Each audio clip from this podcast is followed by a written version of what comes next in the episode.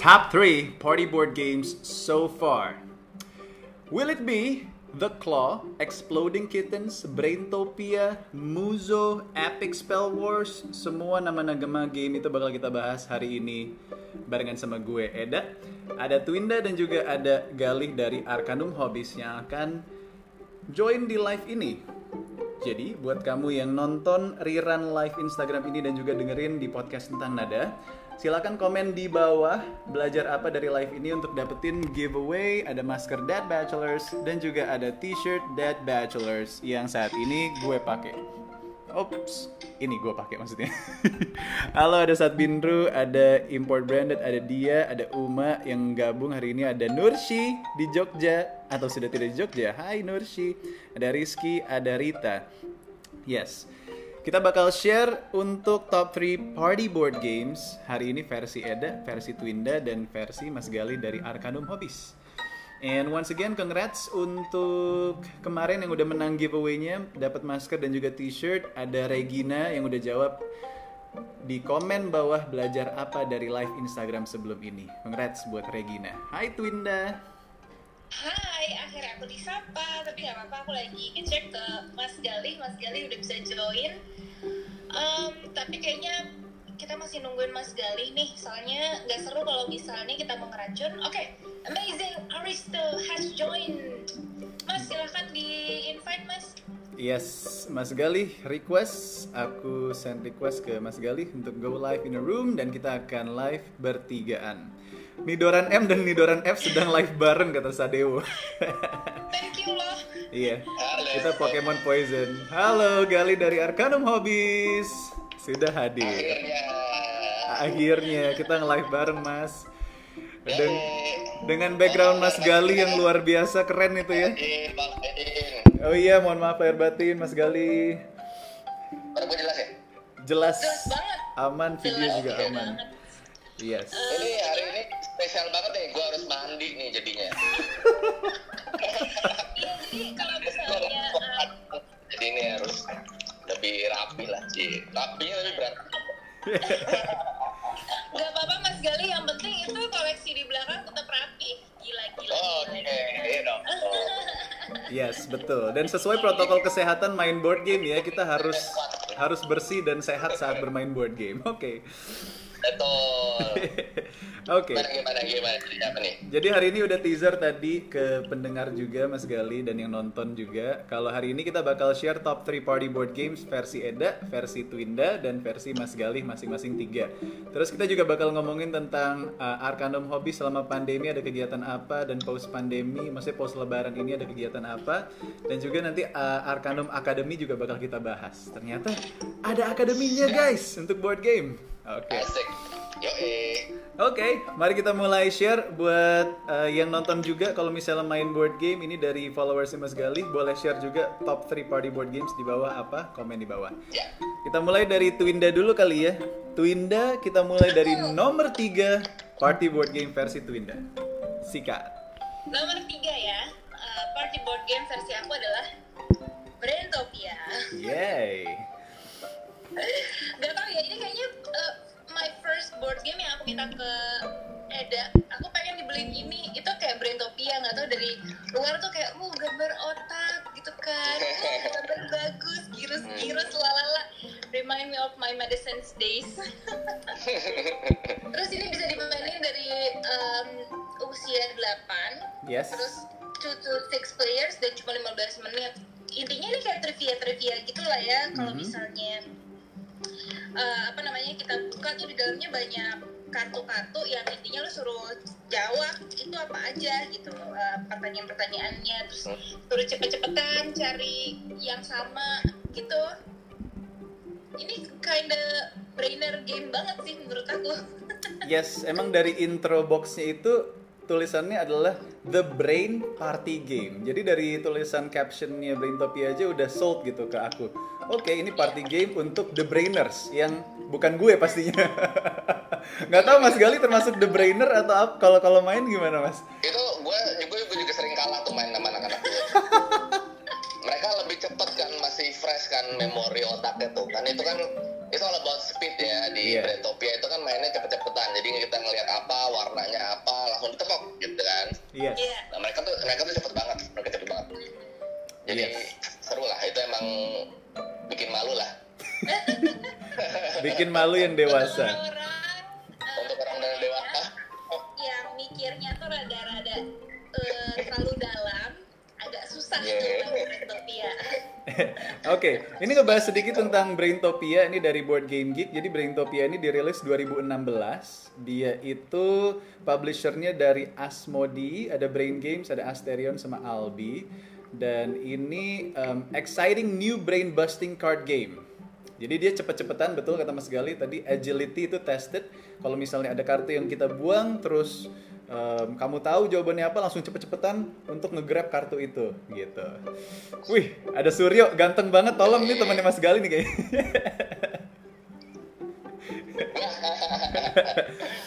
iya. Eh, Twinda em, me- momen-momen yang kamu inget pas main Braintopia apa? Boleh share nggak? Em, ini salah satu permainan yang agak jarang dimainin soalnya gak tau kenapa orang-orang tuh kayak aduh gak deh otak aduh gak deh ada aja gitu alasannya gitu kan ya gak sih? Heeh, jadi eh, kayaknya momen aku main ini justru aku tuh gak main aku jadi game masternya aku yang kayak nunjukin nunjukin gitu. Dan benar kata Mas Gali ini adalah eh, permainan yang gampang banget kamu untuk mempermalukan orang lain tuh ya di game ini. Permalukan orang lain atau diri sendiri ya. Kalau aku Iya, waktu itu main main main Braintopia itu kan sama teman-teman kolega band. Kita main sama band namanya Ringo Five. Jadi adik aku punya band namanya Ringo Five Mas Gali. Terus di antara personil Ringo Five itu ada dua yang kakak adik satu orang namanya Rain ini gitarisnya. Dia adalah orang yang kalau kita lihat sehari-hari tuh dia dia tipe yang clown of the group yang suka dibully suka diceng-cengin. Tapi ketika main Braintopia dia yang menang. gue kaget loh. Jadi emang ada satu orang yang diam ternyata suka diceng-cengin. Tapi pas main Braintopia wah cepet banget ininya mikirnya Yoi, dan time to shine, time to shine di situ. time to shine keren oke oke berarti itu top 3 versi Twinda Ini boleh adalah yang nomor tiga versi aku. nomor tiga ya Ya. Braintopia mari aku lihat juga di Arcanum Hobbies itu bisa dibeli langsung di Tokopedia Arcanum. Hobbies Yoi. Betul. Oke, eh, boleh dari Mas Gali sekarang kita oper top 3 dari Gali. Yang ketiga, Yes. dari ketiga dulu ya. Oke. Oke, dari gua ini ada Epic Spell Wars. Oke, nice. Tapi sekarang di toko nih. Gak apa-apa. Jadi, eh, Wars. yes, ini game seru banget.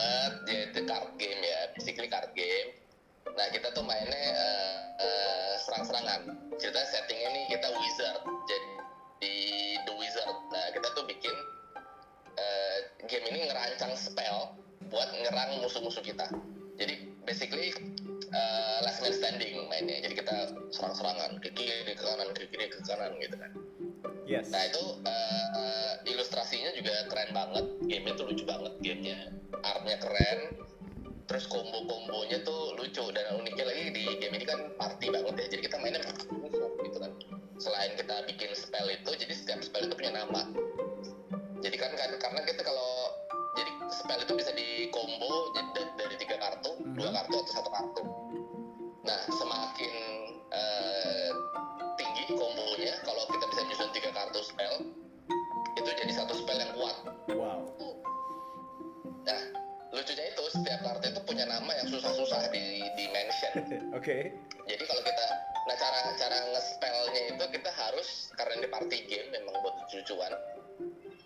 nyebutin baca spell itu dengan kencang-kencang gitu. Ketika kita mau ngeluarin, baca ya, gitu kan. Oke. Jadi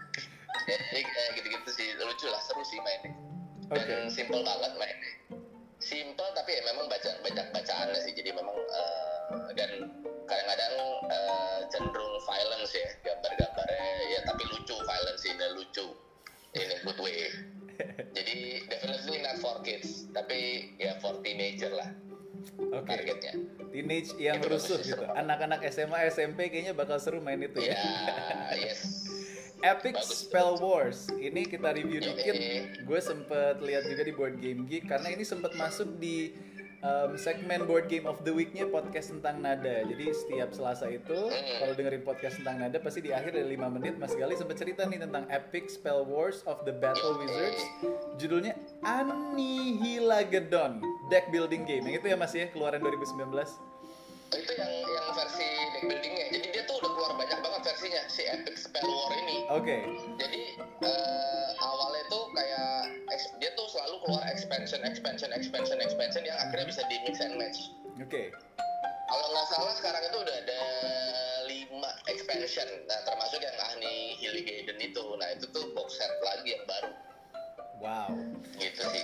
Ini Jadi karya- emang itu banyak banget versinya Karya Eh, nama nama ininya core ininya Epic Spell War Epic Spell Wars. Ini karya publishernya Cryptozoic Entertainment Hobby World. yes Oke. publisher ya Yes, untuk yang satu ini si Epic Spell Wars karena memang adalah card game. Jadi em, kalau kesan saya nih Mas Gali ya, ini agak susah untuk minta manajer keuangan Twinda untuk membelikan card game. banyak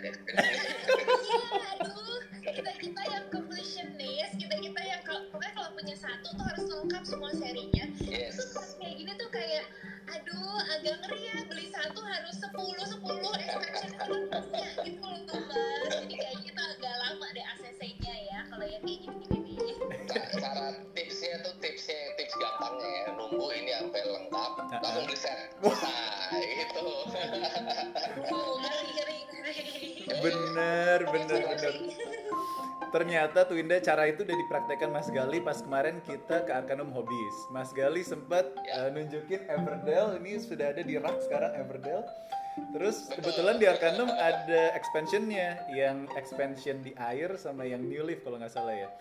Nah terus Mas Gali langsung, nih Everdell ada nih, kita kasih diskon sekalian expansionnya. Mas saat itu aku yang nolak mas. gak tidur tenang habis itu langsung Oh gitu ya sip. Nah. Tips diterima. Terima kasih Amazing Aristo. Cuman em, ini ngomongin Epic Spell Wars of the Battle Wizards ini em, ngingetin aku sebenarnya sama kemarin juga sempet ngambil di Arcanum Hobbies kita dapet game apa tuh apa tuh ini Bears versus Babies. Nah, oh iya Iya iya kan? iya iya jadi ketika kita sudah punya combo set monsternya atau bearsnya di sini, kita bisa um, call out provoke gitu untuk mengalahkan si babies ini. Nah berarti kalau epic spells Iya, iya, iya. juga gitu ya mas ya kita ngumpulin spellnya saat sudah terkumpul Iya. nama-nama yang susah itu kita call out untuk serang gitu ya. ya basically kalau Bear versus Babies kan bikin army Yes. bikin monster Aha. kalau ini bikin spell bedanya itu Oh nice, oke. Jadi buat teman-teman yang suka sama dunia wizardry and witchcraft, ini adalah game yang lucu untuk dimiliki. Oke Twinda, terima kasih ACC. Oke. Mm-mm, Potterhead, Potterhead ya. Eh, emang Potterhead. Lumayan, aku House Slytherin. oh, memang ya Slytherin banget kamu, Mas. Oke. Thank you Mas Gali untuk top 3-nya berarti Epic Spell Wars dari Twinda tadi ada Braintopia. Sekarang masuk versi Eda. Ini baru kemarin juga nemu di Arcanum Hobbies Kuningan City yaitu Muzo. Nah, Muzo ini adalah the first music streaming game in the world. Dari captionnya di sini udah sold ke aku yang juga uh, anak band gitu kan. Terus di sini Muzo is a party game for all music lovers. Take your playlist into battle. Jadi imagine nih teman-teman yang lagi nonton saat ini, buat lo yang suka bikin playlist di digital platform kayak Spotify, Apple Music atau Deezer, itu lo bisa main Yeah. game ini ada ada apa ya? Ada medianya untuk bermain menentukan playlist siapa yang terbaik. Nah, itu dia. Jadi em, ini kayak kalau misalnya di Prambors tuh kayak main tebak lagu sebenarnya. Jadi kita nanti bakal dikasih sebuah kartu. Kartunya itu misalnya adalah play the song you think has the best lyrics gitu kan. Nanti Twinda ngasih lagu, Gali ngasih lagu, Eda ngasih lagu. Terus dari semua lagu itu kalau misalnya lagu Eda misalnya the best lyrics adalah Bruno Mars Just the Way You Are gitu kan misalnya Twinda tahu nanti Twinda bakal kasih si Q ini Q artis. Artisnya apa namanya? Bruno Mars. Oke. Titlenya apa? Misalnya Gali ngasih Just the Way You Are gitu. Jadi ini game yang seru untuk mengetahui selera musik orang itu apa. Keluarga sahabat teman-teman itu bisa dikuak dengan main Muzo ini. Selera musik mereka tuh seperti apa sih gitu? Yes. Ini bener-bener uh, juga banyak yang salah banyak yang salah main tuh gimana tuh mas banyak yang salah main juga. Kadang-kadang mereka fokusnya ke selera dia. Oke. Jadi kayak eh gue sukanya lagu ini. Tapi kan sedangkan si Jazz itu kan jurinya nggak cocok kadang sama seleranya. Jadi kalah gitu sih sebenarnya. Harusnya Yes. kalau, eh, kuncinya di strategi dalam musuh itu kita harus kenalin seleranya si eh, jurinya itu gitu. Yes. Biar dia milik kita eh, sebenarnya gitu. Yes betul. Udah dicobain belum? Udah udah coba kemarin mas jadi terima kasih Eda. nah, nah aku meng- mengaplikasikan uh, tips dari Mas Gali barusan Twinda. Jadi kemarin kan sempat dapat kartu uh, play the song that reminds me of your mother gitu kan. Terus Mas Gali, aku tahu nih ibunya Twinda itu suka banget lagu bahasa kalbu Titi DJ. Jadi aku play lagunya itu yang lagunya Raisa yang baru covernya kan. Terus Twinda langsung wah. Jadi aku tahu nih seleranya Twinda apa gitu. Terus Twinda mainin lagu Celine Dion Power of Love gitu. Jadi seru sih. Ini lagu-lagu yang menguak playlist kita masing-masing. Tapi um, so far Mas Gali juga juga, juga pasti udah mainin kan? Um, memori apa yang Mas Gali inget pas main Muzo Mas? itu seru sih kalau karena eh, dulu gue mainnya sama generasi 90-an jadi Asik. Jadi tematik gitu semuanya. Cuman boleh lagu 90s ya. Wah jadi bisa bisa dibuat house rule kayak gitu juga tergantung lu main sama siapa ya kan? Malah dulu pernah juga eh, bikin khusus lagu-lagu Jepang. Waduh, seru. Ya, jadi Wibu. apa pun kartu lu lagunya harus lagu Jepang gitu. Jadi emang anak-anak wibu dulu. Nah itu bisa dibuat house rule kayak gitu juga tuh seru Yes. Itu memang poin plus dari Muzo ini. Jadi dari um, hmm. dari bukunya ini dia dia dia dia ngasih you can play Muzo as you play in life by your own rules. Jadi kita bisa punya rules sendiri seperti Mas Ya. Gali tadi mau playlist 90s ataupun perwibuan duniawi itu bisa. iya tuh betul Gitu. Kalau Twinda kemarin main sama Eda gimana? Memori yang kamu inget atau impressionnya setelah main Muzo? Twinda sih langsung gak mau main lagi katanya. Karena cukup cukup stres gitu loh ketika aku main muzo sama seorang penyiar, sama seorang musisi. Itu kayak aku masuk eh kayak itu kayak aku ngajak Eda masuk ke ruang operasi terus nyuruh Eda operasi gitu. Karena Iya. menurut aku tuh kayak itu kan em, bidangnya Eda gitu ya. Terus dari gitu aku tuh nggak ngerti musik. Disuruh lah em, apa play some music gitu. Yang Eda tuh tahu banget tipe musik yang aku suka tuh kayak gimana. Sedangkan Narendra Pawaka itu kan sudah ada di dunia peradioan itu udah 10 tahun. Going 11 tahun gitu. Jadi kamus musiknya itu jauh lebih banyak. Lagunya tuh bisa bisa macem-macem lah muncul dari otaknya dia gitu. Yes. bahkan kemarin muncul kan instrumental song gitu. Aku nggak tahu apa ya instrumental song yang mau aku play gitu kan. Yes. akhirnya aku aku search dulu di Google famous instrumental song baru dapat baru play itu pun juga aku nggak tahu itu lagunya apa Yes, itu lagu Quincy Jones Soul Bossa Nova. Tetenenet, tetenenet. Itu soal pertama. nah Memang agak intimidatif ya kalau misalnya mainnya sama musisi gitu. Aduh, males ah gitu. tapi tapi the good thing about this game Muzo adalah karena memang party game. Jadi pas kita main di meja tengah kemarin Mas Gali pas lebaran, itu keluarga gue memang suka musik. Jadi bokap, nyokap itu pas ngelihat aku sama Twinda main, itu pengen ikutan. Pas aku pasang lagu uh, Everything I Do I Do It For You Brian Adams, bokap langsung Wah, Twinda, ini mah Brian Adams gitu. Twinda yang ini lagu apa ya? Oh, kalau itu aku tahu kalau itu aku tahu generation gap Generation gap bener. Jadi ini ini Muzo party game yang untuk music lovers betul dan music lovers by all means umur berapa aja generasi mana aja bisa ikutan main. Dan itu menambah apa ya menambah erat saat kita saat kita bisa share atau tahu atau bisa menebak selera musik uh, lawan main kita. Seru ya muzo ini seru nih Yo, eh. Oke, kita udah share so far top 3 board games masing-masing di nomor 3 untuk Eda Muzo, Mas Gali Epic Spell Wars, Twinda Braintopia. Ya. Kita akan masuk ke nomor 2, tapi sebelumnya Twinda mau bahas sesuatu tentang Arcanum Hobbies dan Arcanum Academy. Masuk Twinda. Asik. Jadi kemarin tuh kan em, aku tahu kan kita mau live nih bareng sama Mas Gali. Terus aku mulai search lah kan em, sebenarnya tuh dunia per board game tuh udah segede apa sih gitu.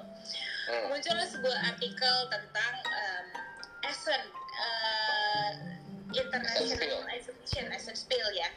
Ternyata Indonesia tuh udah pernah kirim orang untuk eh, ikutan exhibition di sana gitu. Jadi nggak tahu Mas Gali kan di dunia per board game kan udah bertahun-tahun nih. Ngelihatnya tuh gimana sih Indonesia di Essence Spiel terus Indonesia sekarang udah mulai banyak yang mulai main board game bahkan kayaknya komunitas di Arcanum Hobbies juga udah makin eh, banyak isi grupnya ya Ya, eh, ya. 200 orang kebetulan tuh Nggak bisa diem ya, berisik. lumayan Iya iya iya. Eh, jadi sebenarnya industrinya memang di dunia ini lagi rising banget ya, seperti yang pernah gue juga ceritain. Kayak udah ada kan eh, kita semua tahu ya Kickstarter.com itu kan eh, salah satu platform di dunia yang kayak mensupport eh, kayak funding, crowdfunding. Nah itu di situ tuh terbukti bahwa eh, kelihatan banget bahwa industri board game tuh lagi rising banget karena salah satunya yang paling fenomenal itu eh, Exploding Kitten dulu. Jadi Exploding Kitten itu pernah eh, pakai Kickstarter awalnya. Nah itu fundingnya tuh gila-gilaan sampai nembus kalau nggak salah 2 m sekitar 2 m lah. Wow. Jadi pendukungnya memang banyak banget dan eh, dari situ tuh ngebuktiin bahwa eh, mereka tuh hampir menyaingi ya, bukan hampir, sudah melewati eh, game-game digital yang di Kickstarter bahkan. Wow. Jadi, jadi memang sebenarnya fenomenanya tuh sudah bergeser ya mungkin, bukan bergeser mungkin mungkin karena di satu sisi eh, produksinya juga bisa lebih cepat daripada game digital ya kan. Jadi mungkin ya banyak sisinya lah. Dan orang-orang tuh mungkin eh, kalau di sana juga udah jadi kultur ya. Board game tuh jadi kultur kan. Di di di Jerman itu mereka tuh punya family time yang mereka harus habiskan itu dengan main board game. Mhm. itu board board game mereka. Makanya kenapa Essence Spiel itu di sana di Jerman asal mulanya? Mungkin karena di sana juga kulturnya udah kuat kultur board game gitu. Makanya kalau teman-teman yang udah pernah ke Essence Spiel itu selalu ceritanya adalah itu naik hajinya board game. Iya kalau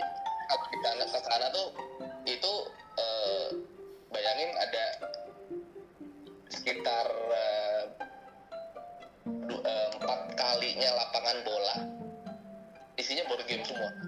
Wah. wow.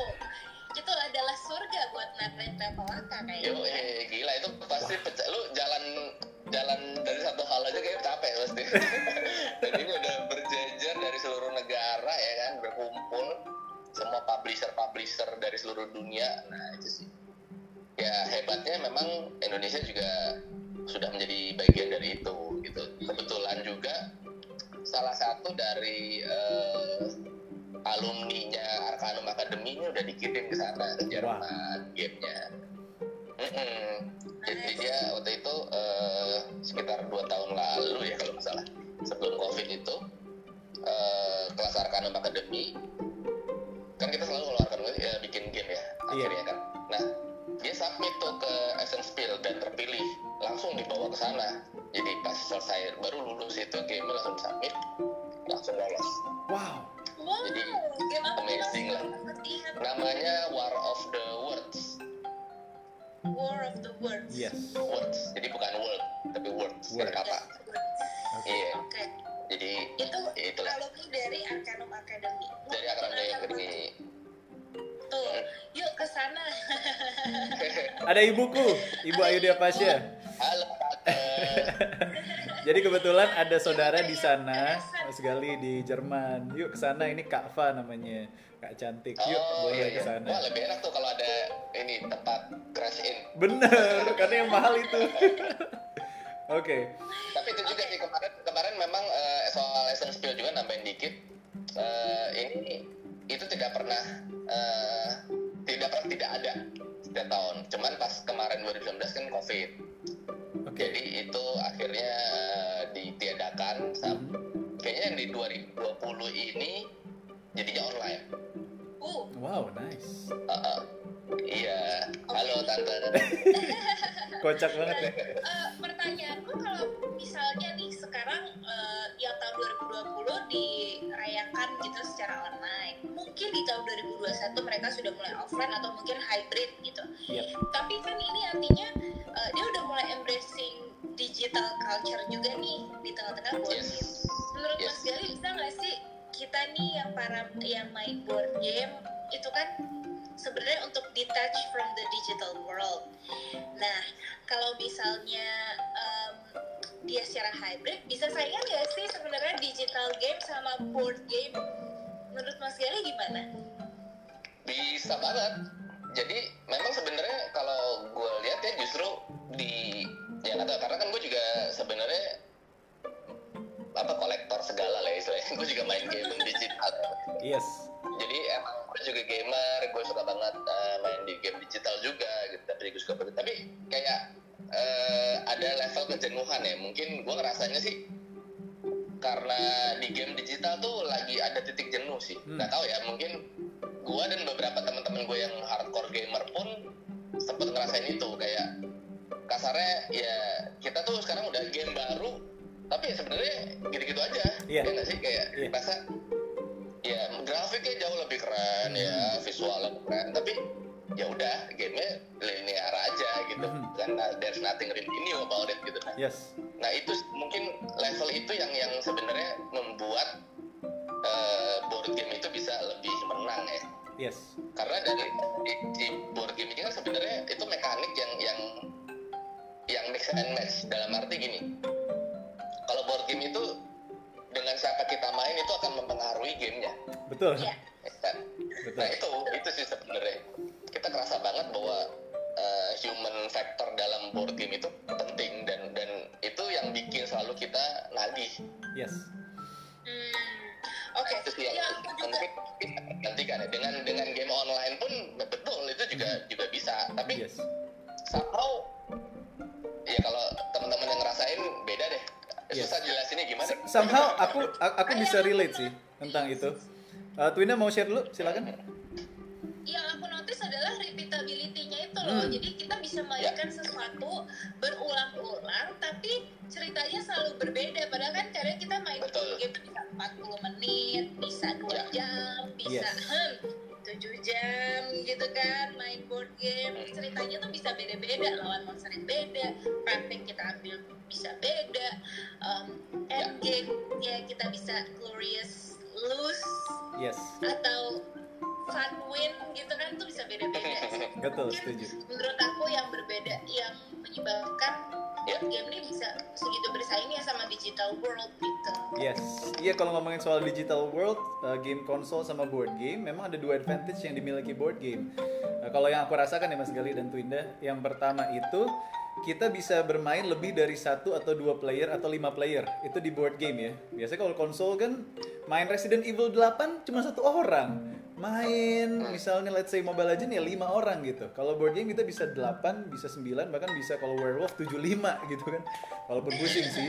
Terus satu lagi adalah em, kita bisa recreate kalau misalnya kita suka sama franchise seperti Star Wars, Game of Thrones, Lord of the Rings, kita bisa recreate our own ending. Jadi waktu itu Twinda sempat bilang tentang alter the ending. Oke, kalau di filmnya Lord of the Rings mungkin begitu, Game of Thrones mungkin begitu. Kalau kita main board game ya, bisa beda outcome-nya. Itu seru sih. We make our own Iya, ending. iya, iya. Oke. Nah, ini balik lagi ngebahas tentang tadi em, alumni Arcanum Academy yang eh, sempat ke Jerman untuk Essence Spiel ya, Mas Gali. Ini ternyata gamenya ada di Board Game Geek ya, War of the Worlds, rilisan 2019. Ini nilainya 8 loh. Desainernya Wisnu Widiarta, artisnya Dea Ya, Kristabella. Itu ya namanya.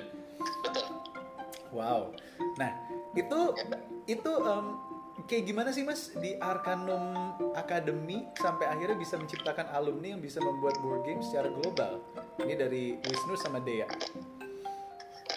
Oke, jadi eh, gue cerita dikit ya tentang Arcanum Academy ya. Jadi Boleh. konsepnya Arcanum Academy itu sebenarnya kan kita tuh juga emang seneng board game. Rasa cinta board game kita nih juga eh, kadang-kadang ketika lu punya udah mainin banyak board game ya kan lu pasti pengen leveling up. Berarti Yes. ah gue bisa nih bikin juga. Nah ternyata gue mau fungsinya mau mema- mau wadahi itu sih teman-teman yang yang punya gue pengen bikin board game tapi how to start ya nah Hmm. dari situ awalnya dan gue ngerasa juga sebenarnya dalam hal ini Indonesia itu tidak kalah ya Iya. ada potensi yang sangat besar eh, untuk game design Indonesia itu rising up board game industrinya which is sudah terbukti juga banyak banget publisher-publisher lokal sekarang sudah bikin dan ada juga eh, publisher-publisher indie Mhm. kreator-kreator board game indie itu udah banyak di Indonesia salah satunya yang udah nembus pasar eh, mass market itu yang eh, pasti teman-teman juga tahu ya Warung Wars ya Yes, Warung Wars. Warung Wars itu Remedia dan dia akan menang dulu dulu juga itu dari eh, sayembara ya bukan sayembara sih kayak lomba lomba game design kan dulu awalnya nah itu berhasil menang dan sekarang udah dicetak ulang berapa kali. Jadi sebenarnya memang ada marketnya dan ada kreatornya. Nah itu cuman eh, mungkin masih belum banyak eh, harus ke mana nih kalau gue mau belajar board game? Nah itu tuh susah kan selama ini masih Yes. belum ada kursusnya belum ada sekolahnya gitu. Mhm. nah itulah karena itulah gue akhirnya coba bikin uh, Arcanum Academy.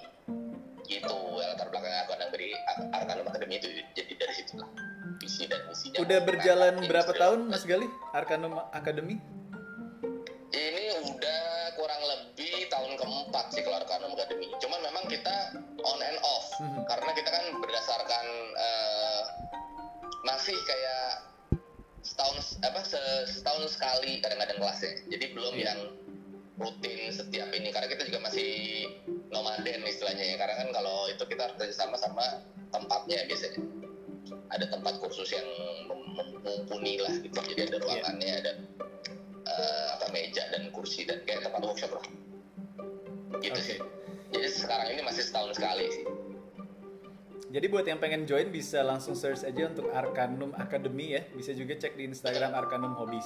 Itu tentang how to build a board game, your own board game. yes Gue aja tertarik gitu. Kadang Board ada ada bisa. ada game-game yang gue mainin, aduh, kok ini captionnya begini ya caranya gue kayaknya bisa deh. Seba- kadang sebagai scriptwriter radio suka gitu mas, duh gemes gitu. iya Oke. iya Arcanum Academy. Twinda ada lagi yang mau ditambahin? Kalau misalnya tidak ada kita maju ke top 2 party board game versi Eda, Twinda dan Gali. Mulai masuk ke top 2 Yes. Party board game versi Twinda dulu ya. Boleh versi Eh, Twinda. aku yang kedua adalah sebenarnya tadi tadi udah di mention banget sama Mas Gali karena ini fenomenal yaitu adalah Exploding Kittens. Oh, iya, Exploding Kittens. ini kayaknya wajib ya kayaknya semua um, board gamer yang suka party harus kudu wajib punya Exploding Kittens karena ya emang bener-bener for people who are into kittens and explosions. Bener-bener ngajak ribut kalau emang kayak udah capek nih temenan sama orang nah teman pertemanan yang yang nggak terlalu nyakitin tuh pakai exploding kittens gitu ya bisa auto gitu kayaknya kalau misalnya lo main exploding kittens menurut aku sih. Makanya mainnya sama saudara gitu ya kalau main exploding kittens. Soalnya kayak nggak bakal bisa putus. Oke, gimana? Khusus itu ini ini sedikit ngebahas dari Bro Ari dulu. Ini gue lebih suka fun party game. Kalau Gali Euro yang mikir gitu kan Li. Nah, Mas Gali boleh jawab dulu tuh dari Bro Ari. Iya Mas Gali. Ini temen seperjuangan juga tuh Asik. iya iya iya betul betul betul sukanya nggak ada mikir sih gue Oh, Eurogamers nih. Euro Gamers. Teman, eh, ini balik lagi ke pertanyaan yang menarik sebenarnya. Em, memori Mas Gali saat main Exploding Kittens yang yang yang Mas Gali ingat apa sih Mas? ya itu eh, biasanya diputer-puter gitu jadi sebenarnya tuh kayak Uno ya nih Iya. sebenarnya kayak mirip-mirip Uno Iya. tapi dengan steroid aja tuh kayak lebih menggelegar gitu kan Mm, kayak versi Uno tapi lebih rusuh lah lebih rusuh. yang gue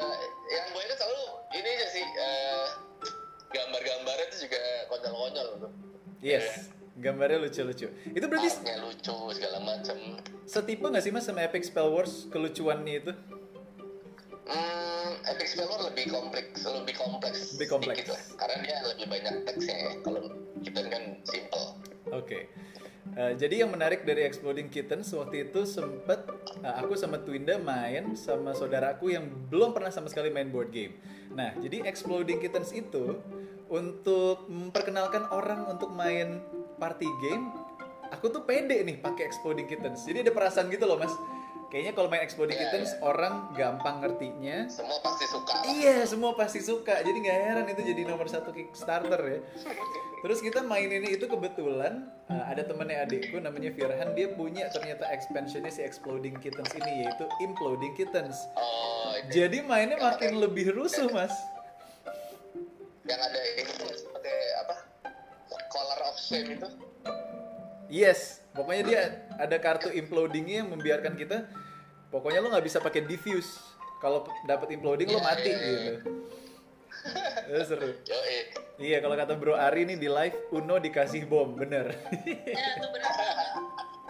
Uno kan cuma ya udah plus 4, plus 4, plus 2, plus 2 ya udah gitu ya. Kalau ini ada bomnya plus 4 tiba-tiba bom ya udah. Rusuh, ya. That's it. Done, you're done.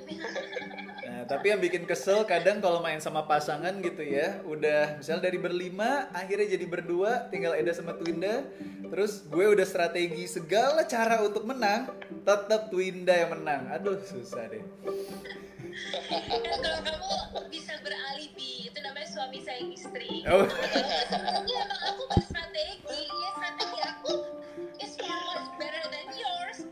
Iya, iya, iya. Ada itu suami istri dalam PP tidak ada itu. Tidak ada itu. Winner, winner takes all. Winner takes all, man. Iya. Jadi agak agak agak ngenes kalau misalnya kakak kalah sama adik, suami kalah sama istri. Dan itu kebanyakan gue mainnya kayak gitu tuh mas. Aduh. Oke, Exploding Kittens. It's a fun game buat Eda, Twinda, Galih juga yang memang suka um, kucing ya. Karena kucing-kucingnya lucu-lucu di sini gambarnya. Oke, kita masuk di list top 2 party board games untuk yang lagi dengerin dan juga lagi nonton. Kita kasih ke Galih dulu untuk top 2-nya nomor 2 silakan Mas Galih. Oke, kalau gua God Hates. Wow, apa nih? Nah ini ini sebenarnya game Kickstarter juga. Jadi Oke. si partner gue dulu yang beli. Awalnya gue juga waktu itu gue ke skip Kickstarter ya. Kebetulan si Audi partner gue dia beli dibawa ke toko tuh. Wah ternyata blown blown juga nih gamenya. Jadi dia basically ini kayak game of charades. Tahu kan charades ya? Maksudnya yang game kalau kita pakai ya kayak gitu-gitu terus kita harus nyaduin sesuatu. Nah cuman ini versi with steroidnya. Jadi dia dimodif lagi. Steroid. Jadi dia ada tiga ada tiga layer gitu. Oke. Yang pertama, lu bisa ngomong, pelajari sambil ngomong. Yang kedua, lu cuma boleh ngomong. Yang ketiga, lu nggak boleh ngomong. Waduh. Jadi, jadi cuman kayak gitu-gitu. Jadi emang kayak kayak di ada tiga layer eh, apa grupnya gitu. Seru sih. Jadi Yes. ada ada dibagi grup gitu. Cuman di stage pertama lu boleh ngomong dan meragain. Yang kedua cuma boleh ngomong. Yang ketiga cuma boleh meragain. Gitu. Mas Galih, ini aku lihat God Hates Charades di Board Game Geek. Ini game rilisan 2014. Mainnya bisa 3 sampai 14 orang. 14 orang bisa. Yes. Wow. Yes. Dia grup grup gitu kan grup. Eh, jadi kalau misalnya ada yang pernah nonton Game Night, Film, yes. Film, Game Night. eh, film Game Night, Jason Bateman. Iya, everybody guess di depan nih kira-kira kayak begini kayak begini gitu. Nah siapa pun yang bisa nebak nah dia dapat skornya. Cuman mungkin kalau ini dibagi jadi dua uh, grup supaya lebih gampang ininya lebih gampang uh, scoringnya gitu. Tapi kayaknya aku tertarik nih kalau yang kayak gini nih mas. Soalnya uh, Itu lucu sih, lucu banget. Uh, uh, itu satu lucu. Yang kedua ini bisa jadi alternatif untuk um, kalau misalnya kita lagi rame ngumpul yeah. sampai kayak lebaran hmm. gitu ya walaupun mungkin pas pandemi juga nggak bisa rame-rame banget gitu tapi nanti after kita ngumpul gitu kan kan nggak mungkin gitu ya kita uh, main um, I don't know kayak planet kita kan cuma lima orang gitu iya, kan. berempat. yang lain kita uh, orang eh. kalau ini kayaknya lebih akomodate uh, um, lebih banyak orang dan saudara-saudara yang umurnya lebih senior tuh ju- ju- juga bisa kayak ngerasa join. in the game heeh, kayak eh iya iya lucu ya ternyata gitu kayaknya aku tertarik sih sama God Hates Charades ini Yes. Yes. Pas Mas Gali main, Kalau main sama keluarga, hah? ininya juga dipilih itu. Oh. Teksnya. oh iya iya iya, iya. apa yang cukup ini juga apa Menantang. eh, dewasa lah. Iya. Oh, Cukup dewasa ya. Oke, pengalaman pecahnya pas main God Hates Charades itu sepecah apa sih, Mas? di toko sih jadi dulu lucunya eh, ada satu kata which is gue lupa sih kayak kayaknya apa ya ter- soal glorious death gitu kan kalau jadi kalau di toko tuh gue eh, cukup paling seneng kan kalau udah main kalah tuh ya mendingan gue kalahin dengan glorious gitu Iya. Sekalian. Gue tuh terkenal dengan orang yang begitulah dulu kalau di toko kan. Jadi kayak wah kalau kalian nih gila deh oh, kayak gua- dia tuh udah kalau udah udah ngerasa nggak mungkin menang udah main kalahin tapi rusuhin lah gitu kan. Jadi, nah kalau nggak salah ada kartu yang begitu. Hmm. jadi eh, kesaking image gue udah begitu banget jadi pas dapet kartu itu tuh si Cerencia itu tinggal nunjuk. Oh balik jadi simpel itu. Gila image udah ter- terbentuk gitu lah jadi kayak kayak gitu. Image lo agak kurang bagus ya mas. Jadi kayak katanya kebetulan pas gitu kan ya ini ini ini. Langsung poin. Wow. ya itulah seru Dari cara Mas Gali bercerita aja udah sold gitu tentang pengalaman bermainnya, experience in gaming ya. Kalau ini game yang pecah nih dimainin. Apalagi emang ketemu sama wild horse kayak Mas Gali gini nih. Yang kalau udah kalah ya udah sekalian kalah glorious aja gitu. itu itu bikin pecah sih. Oke. God hates char- charades. Ini aku Iya. udah cek bagus eh, boxnya juga menarik. Jadi bisa dicek ya teman-teman God hates bisa charades. bisa ada di toko juga ready stock sikat Asik. Gimana tuh Indah? Siap tuh Indah? aku baru beli kemarin tuh tuh di belakang kamu tuh Bilenes pas mas Gali kirim fotonya gitu kan nih Bilenes gitu aku cuma balas oper kemarin beli pas ini. banget tuh tuh itu pengen langsung gila ngeri banget tuh Bilenes orang Mas, Villainous kalau misalnya ada expansionnya kita mau ya Mas yang warna ungu. Oh Mari. cari apa aja nggak apa-apa expansionnya oper aja kayaknya udah, udah ada dua ya kalau nggak salah ya expansionnya dua ya Udah Yes, ad- ada yang Marvel juga Mas. oh oke oke oke ya, ntar gue coba cek ya Asik. ada ada ada ada, ada. Soalnya kalau Villainous, tuh Indah pasti oke.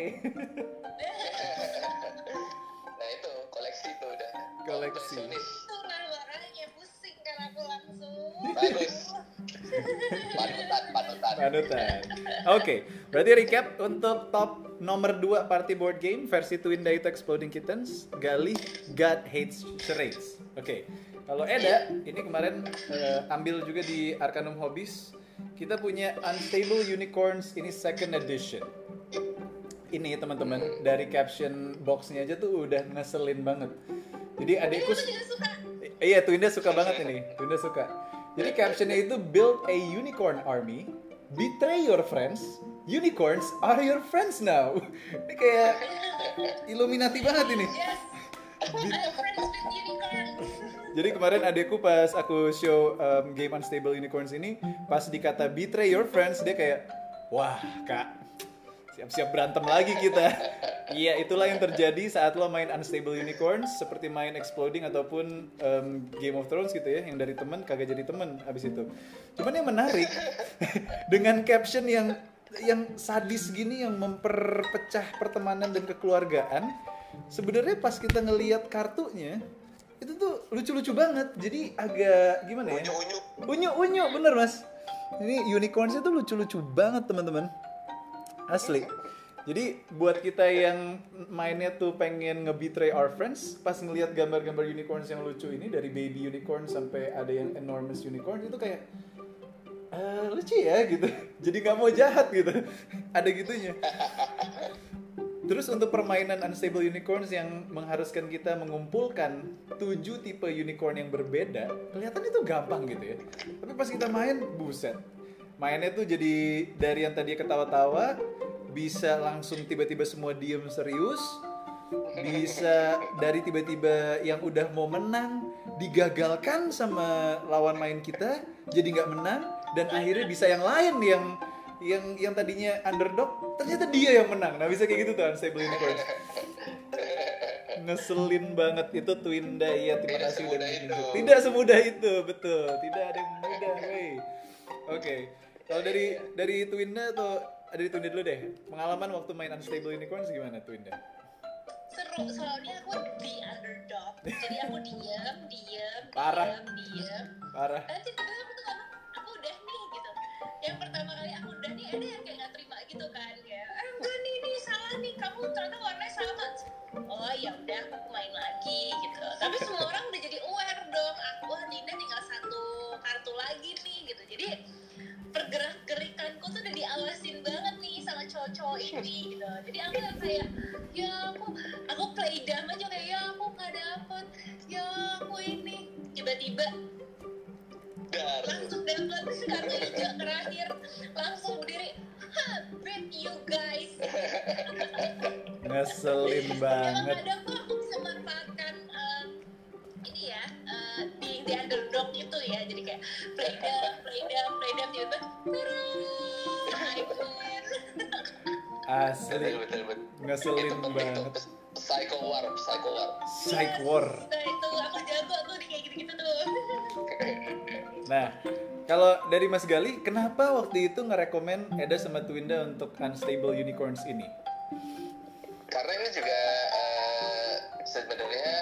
popularitasnya ya sejajar lah sama Bear vs Babies dan Oke. Exploding Kitten ya. Karena emang dia kan target marketnya juga emang buat yang fun eh, family game, party gitu kan.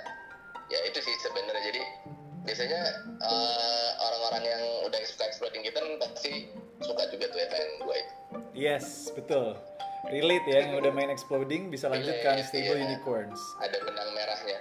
Karena satu box ini bisa dimainkan lebih banyak dibanding Exploding yang hanya cuma 5. Kalau Unstable bisa main berdelapan. Ini game rilisan 2017. Buat yang suka unicorns, buat yang suka sama shark, gue suka banget sama shark. em, itu ada di sini gambar-gambar lucunya. Jadi kalau misalnya bukan cat person gitu, unicorn lah pilihannya. Oke, itu top 2 untuk board games versi Eda, Twinda, dan Gali. Kita recap lagi. Gali tadi God Hates Charades, Twinda Exploding Kittens, dan Eda Unstable Unicorns. Kita masuk akan masuk ke posisi satu, tapi sebelumnya Twinda mau bahas lagi tentang The Future of Arcanum Academy ya. Silakan Twinda. Oke, jadi em, aku di sini nemu banyak banget artikel tentang board game di Indonesia. Pokoknya intinya optimistis lah ke depan tuh bakal Hmm. eh, booming gitu. Ya. Eh, board game di Indonesia. Walaupun mungkin sekarang kita agak slow down a little bit karena pandemi. Karena COVID ya. Heeh, gitu. Tapi ini ternyata tadi pembuat board game dari yang mungkin cuma satu dua tiga tiba-tiba sekarang udah bisa eh, sampai 30 judul gitu. Terus udah mulai ada penerbit-penerbitnya. Arcanum Academy juga udah mulai berjalan gitu. Artinya kan kita bisa menjaring lebih banyak lagi orang-orang yang bakalan menjadi para di, eh, para apa ya Parameter. publisher Eh, apa publisher baru nih Hmm. gitu kan. Dan kita bi- bisa benar set parameter kita bikin standar baru board game Indonesia bakalan bagus. Nah aku tuh penasaran gitu. Karena Arcanum Hobbies tuh kan ternyata bikin Arcanum Academy juga. Berarti kan lu tuh emang punya misi gitu loh mas ke depannya lu mau bawa board game ini tuh ke mana? Aim besarnya tuh apa? Kan kita kalau main board game tuh harus ada aim besarnya tuh Betul, betul. Pertanyaan Secret, bagus. secret objective. Yes. Yes tuh. Hidden knowledge. Jadi, oke, jadi oke kalau dari gue pribadi sih gue visinya sebenarnya pengen bener-bener jadi eh, board game ini menjadi media pembelajaran ya. Hmm. Karena gue ngeliat juga gue juga orang yang sangat eh, picky dalam belajar dalam arti ya maksudnya gue hidup dulu eh, dengan metode pengajaran ini jadi serius dikit ya Gak apa-apa serius, harus dong mas. Jadi eh, dengan metode pelajaran yang gue kerasanya ini sih, kerasanya pas gue punya anak, eh, gue nyari sekolah nih, gue mau nyari sekolah gitu kan. Gue udah survei dari sekolah yang paling mahal sampai yang paling murah, riset segala macam. Itu ternyata hampir 11-12 tidak ada bedanya dalam metode pengajaran. Hanya yang mahal banget sekolahnya ya sekolahnya bagus, Hmm. fasilitasnya keren. Oke. Tapi metode pengajaran ya tetap sama seperti yang dulu gua sekolah. Oke. Lu bayangin, maksudnya berarti kan kayak eh, apa metode pengajaran eh, kita nih tidak berubah, hampir tidak berubah. Jadi ya udah gini-gini aja. Hmm. Nanti lu monolog, lu lihat ke depan semuanya,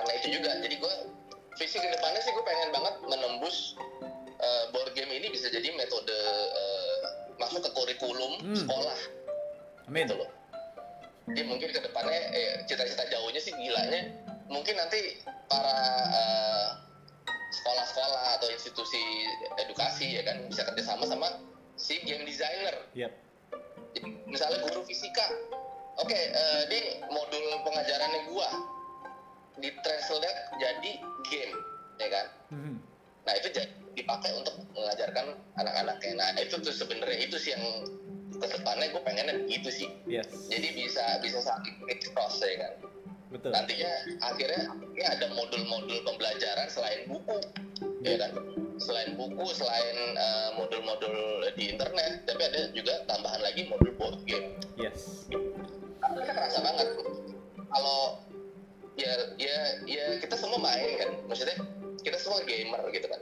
Ketika lo main board game gue ngerasa penyerapan informasinya itu cepet banget. Yap. ya kan? Karena kita apalagi kalau lu main board game board game yang sebenarnya di, di board game board game kita juga ada yang yang belajar sambil belajar kimia belajar fisika ada temen gue kebetulan si Ferdi itu dia bikin board game untuk belajar saham itu ada juga Wow. dan kalau main itu kita langsung ngerti Hmm. filosofinya untuk bermain saham yang aman itu naik jual saat kapan saat jual saat ini dan itu sudah bisa dilakukan nah bayangin kalau itu bisa diimplementasikan ke semua mata pelajaran di sekolah Yes. gitu kan Setuju. Ini kita ngomong di saat minggu-minggu, kalau nggak salah kurikulum startup digital itu akan wajib masuk ke MKU perkuliahan. Nah, mudah-mudahan dari yang ada startup digital, kita juga punya nih yang analognya, yaitu board game, kurikulum board game semoga bisa masuk ke sekolah-sekolah ya mas ya. Karena dengan belajar sambil bermain, itu mempererat tali silaturahmi dan juga bergotong royong sesuai dengan virtue Indonesia ya, gotong royong. Oke. betul betul dan nggak cuma itu doang lagi-lagi eh, board game itu tadi kita tanpa kita sadarin informasi yang yang disisipkan dalam game itu itu cepat nempel ke kepala kayak how to play lah Yes. sekarang setiap lu buka board game aja itu udah ada proses pembelajaran ya kan lu harus baca rulebook gitu kan Setuju. nah ya kayak gitu sih sebenarnya Oke, nice. Oke, gue seneng banget karena ini merubah persepsi orang yang bilang, ya kita tuh main board game ya ma cuman main just for fun gitu. Tapi sebenarnya board game tuh punya banyak banget kapasitas dan kapabilitas dari satu kotak board game tuh bisa memperkenalkan, bisa mengedukasi, bisa memperkenalkan budaya, bisa bahkan membawa Indonesia ke luar kancah internasional juga bisa via board game gitu Yes. dari anak kecil dan lain sebagainya itu banyak banget jadi selama ini gue sama Eda live gitu ngomongin tentang em, apa manfaat board game tuh ternyata nggak cuma itu yang kita rasain tapi memang tujuan untuk membuat board game tuh emang ada message-message sendiri nih yang mau dibawa Yes. sama uh, satu permainan Sesuai tuh Indah sama namanya Arkanum, hidden knowledge. Jadi bermain tapi ada knowledge Yoi, betul. Oke, Setiap mantap, books Mas. itu menyimpan hidden knowledge Hidden knowledge. Siap. Kita sekarang belajar lagi ke yang ditunggu-tunggu list dari top 1 party board game versi Eda, Twinda, Gali. Boleh ke Gali dulu. Nomor satunya apa nih Mas Gali? Top one party Oke, board game. yang nomor satunya Crazy Tower. Woohoo. Crazy Tower Apa ini belum pernah tahu nih malah. Rilisan Itu lucu, 2020. Jadi Ah, jadi eh, kebetulan kemarin juga gue mainin tuh pas lebaran. Jadi sebenarnya game yang sangat eh, family friendly karena sini nggak ada saringannya. Semua orang bisa join. Oke. Dari anak umur 3 sampai bapak-bapak umur 50 tahun juga bisa. Oke. Eh, Jadi ini kayak Stako, Stako. tapi Kayak with, Jenga with the gitu. Jenga. twist. Iya, With the twist. Jadi kita akan naruh. Jadi kita punya dapat peta gitu, dan kita dapat blok Mhm. kayak Tetris gitu, yang bentuknya eh, beda-beda. Nanti kita akan dapat modul, jadi ada kartu juga. Oke. Oh. Nah kita harus naruh harus naruh blok itu di atas kartunya. Jadi nanti kar- kartu itu punya pattern. Ada space-space yang nggak boleh ditaruhin. Nah kita Hmm. harus ngisi space yang kosong. Oke. Gitu. Gue em, kayaknya kalau gue punya anak gue mau ngajarin sih.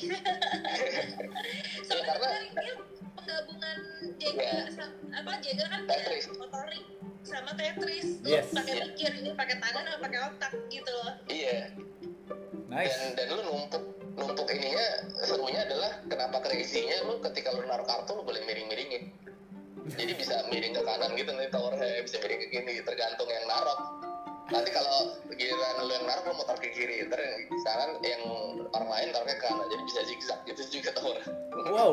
Loh, berarti Karena ini dia harus harus bikin susah orang. Oh. Karena kalau yang orang, jatuhin itu dia kalah gitu. Jadi semua semua balok yang sudah masuk ke dalam situ dapat poin. Oh, oke. Baru mau Jadi nanya, selesai ke baru mau nanya ini game co-op atau sendiri-sendiri? Ternyata kita building blocks uh, sendiri, eh bareng-bareng, tapi penilaiannya masing-masing gitu ya Mas ya? ya Agak ngeselin ya? semakin banyak yang udah masuk poin lu udah di lock gitu kan istilahnya. Oh wow. kecuali lu yang ngejatuhin itu hilang semua Dan Mas Gali tipe yang ngejatohin atau yang ngejatuhin dong kacau? gue suka rusuhin yang bikin miring-miringnya itu jadi bentukan jadi tapi ngejatuh enggak Oke. Oke. Kacau nih kacau nih. Pengacau.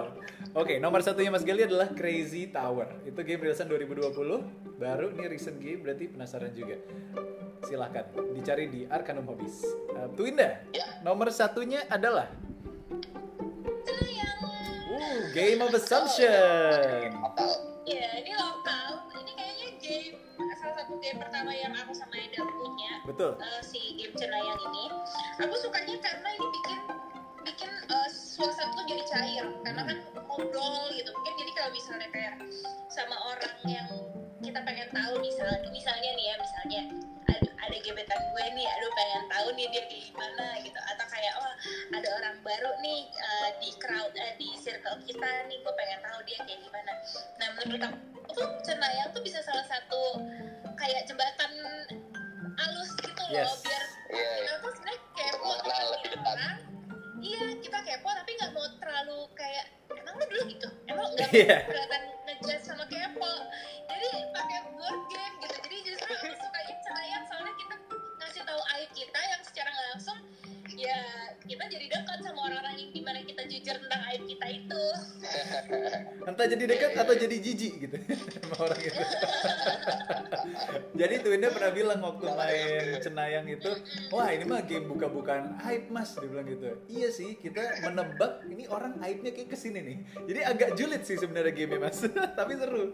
Jadi pecah, gitu. memang memang ini juga lah suasananya gitu Mas Gali pernah main juga Cenayang? Desain desain artnya segala macam gue suka tuh. Itu juga lumayan sekilas kayak klasi banget kan emang. Itu box artnya dan nggak nggak kelihatan dibuat sangat niat lah gue sukanya Betul. ya Niat terus kita bisa memainkan karakter si Cenayang itu karena tujuan kita menjadi Cenayang Iya. of the Year kan. Jadi karakternya itu kalau salah ada betul, enam, ada Mr. Sotoy, terus kebetulan ada yang relate sama Twinda karena dia kembar sama Twindy, jadi Twinda Twindy tuh ada ada kembaran juga tuh di di Cenayang tuh. Tanto Tanti, bener. jadi seru Iya, mainnya. iya, iya. Cenayang. Itu game board game pertama Eda Twinda tuh. Wow, luar biasa. nomor satu ya. Seru seru. Oke. Keren, keren. Masuk ke versi Eda, top one party gamenya adalah ini sempet dapat di Arcanum Hobbies juga, The Claw. Ini a game by CG, temannya Mas Gali. Keren. Gue nggak nyangka ini bisa menjadi nomor satu loh mas, karena dengan box yang seminimalis ini, terus board game yang merepresentasikan kalau misalnya lo ke time zone itu kan main apa claw machine yang ngambil-ngambil boneka gitu kan. Nah ini ternyata universe-nya seperti itu. Bisa dimainkan eh, sebanyak empat orang. Ini party board game kenapa? Karena di sini ada kartu usilnya yang membiarkan kita untuk ngusilin orang lain. Gue udah suka thematically speaking kartunya dinamakan kartu usil. Jadi kita tahu ini game pasti tentang usil-usilan gitu. Pusing. Iya. Dan tiap main pasti ada aja sikut-sikutannya. Terus em, eh, tujuan yang pengen diambil juga jelas. Terus di balik kartu joystick ini itu ada kartu bikin macet orang yang berbeda gitu. Jadi seru sih game ini replayable, Ngejam. fun, terus settingnya juga nggak terlalu repot. Ngejelasinnya juga nggak repot karena Bagus bagus. langkah claw-nya juga ini menarik maksudnya gampang untuk dipelajari gitu jadi it's a good choice thank you mas Iya, Gali udah rekomen ini gimana mas kebetulan ini senior gua di kampus. oh Emang ini kita terlibat dari proses prototyping dulu. hmm. Kita udah udah dapat nyobain awal-awal ya kan dari masih cuma sketch-sketch doang. Makanya gue senang banget juga sih The Claw tuh akhirnya bisa jadi memuaskan banget. Artworknya bagus banget. Yes. Emang ini passion projectnya si namanya Carlo, Mas Carlo yang bikin. Carlo Gitano dari CG ya dari CG creation itu nah itu emang bener-bener dia hebat banget sih. Dia emang sosok panutan banget lah. Dia tuh eh, nabung khusus buat bikin game ini. Wow. bener-bener passion project ya bener-bener hebat sih dia. Fokus fokus ya. Shout out buat Carlo Iya. Gitano dan juga Rina Puspita ini nama-nama yang membuat The Claw yes. Dan ini hidden knowledge-nya adalah Carlo Gitano kalau disingkat jadi CNG jadi CG Yo, Kesel ya? CG oke. Betul betul. Iya kan? CG Loro It- terus. itu itu eh, cerita di balik itu juga dia tuh sampai ngurusin sendiri semua literally. Sampai milah-milah kartunya dan nge-packing itu Wow. one man army itu dia hands on ya biasa sih hands on hebat emang kerja keras itu tidak pernah mengkhianati lah Yoi, never betray you. Yes. Ini masuk juga The Claw di Board Game Geek rilisan 2020. Nilainya bagus 8,2. Tadi juga Cenayang masuk ke Board Game Geek ternyata nilai 8,7. Jadi emang ternyata produk lokal board game kita sudah mulai global ya. sudah bersaing Sudah betul. bersaing. Luar biasa. Oke. Ini ada anak bilang my top 3 party game Skull, Avalon, Codename Itu juga Oh, salah satu. Itu juga nama-nama board game yang lumayan sering kita denger Dan kayaknya juga lumayan yes. seru yo eh. Yes. Name itu juga sesi asik sih. Oke. Twinda ada yang lagi pengen ditambahin? Karena sesi kita Gak ada, wah. aku pokoknya seneng banget hari ini aku bisa dapat insight tentang board game langsung dari uh, Mas Gali selaku pelaku board game udah mungkin udah 10 tahun gitu. Kalau Eda mungkin 10 tahun di dunia penyiaran Mas Gali udah 10 tahun di dunia uh, seluruh board game ini dan Yes. uh, seluruh koleksi game lainnya ya kan? Yang itu nggak usah dihitung umurnya. Tapi yang jelas uh, aku senang karena ternyata uh, bermain board game itu bukan hanya bermain tapi lu juga memang belajar sesuatu dari board game itu sendiri yes siap. Mas Gali ada tambahan? thank you thank you sudah sih harusnya cukup Asik ya bahasan kita ini hari ini. tunggu eh, pembahasan-pembahasan board game yang berikutnya nih Siap, kita majukan industri board game lokal lah bersama-sama siap. mudah-mudahan juga ada teman-teman yang nonton dari sini nanti bisa terinspirasi bisa jadi investor ya siapa tahu ya kan Iya, oh amin. programnya nih Ya. orang pemerintah langsung jalan ya Amin. kolaborasi kolaborasi terjadilah terjadilah Betul, terjadilah betul. penting itu kolaborasi kita untuk maju itu. Luar biasa, harus co-op, harus gotong royong. Oke, terima kasih teman-teman yang udah nonton Ananta Fit sampai terakhir. Ada Ahmad, ada Ari Keliat ini eh, sobatnya Mas Gali juga. Codename ada versi Marvel, ya pastinya ditunggu di Arcanum Hobbies. Nanti langsung kita beli. terima kasih Gali dan Twinda. Dan terima kasih Thank semua you. yang nonton. Terima kasih. Sama-sama. Amin. Thank you.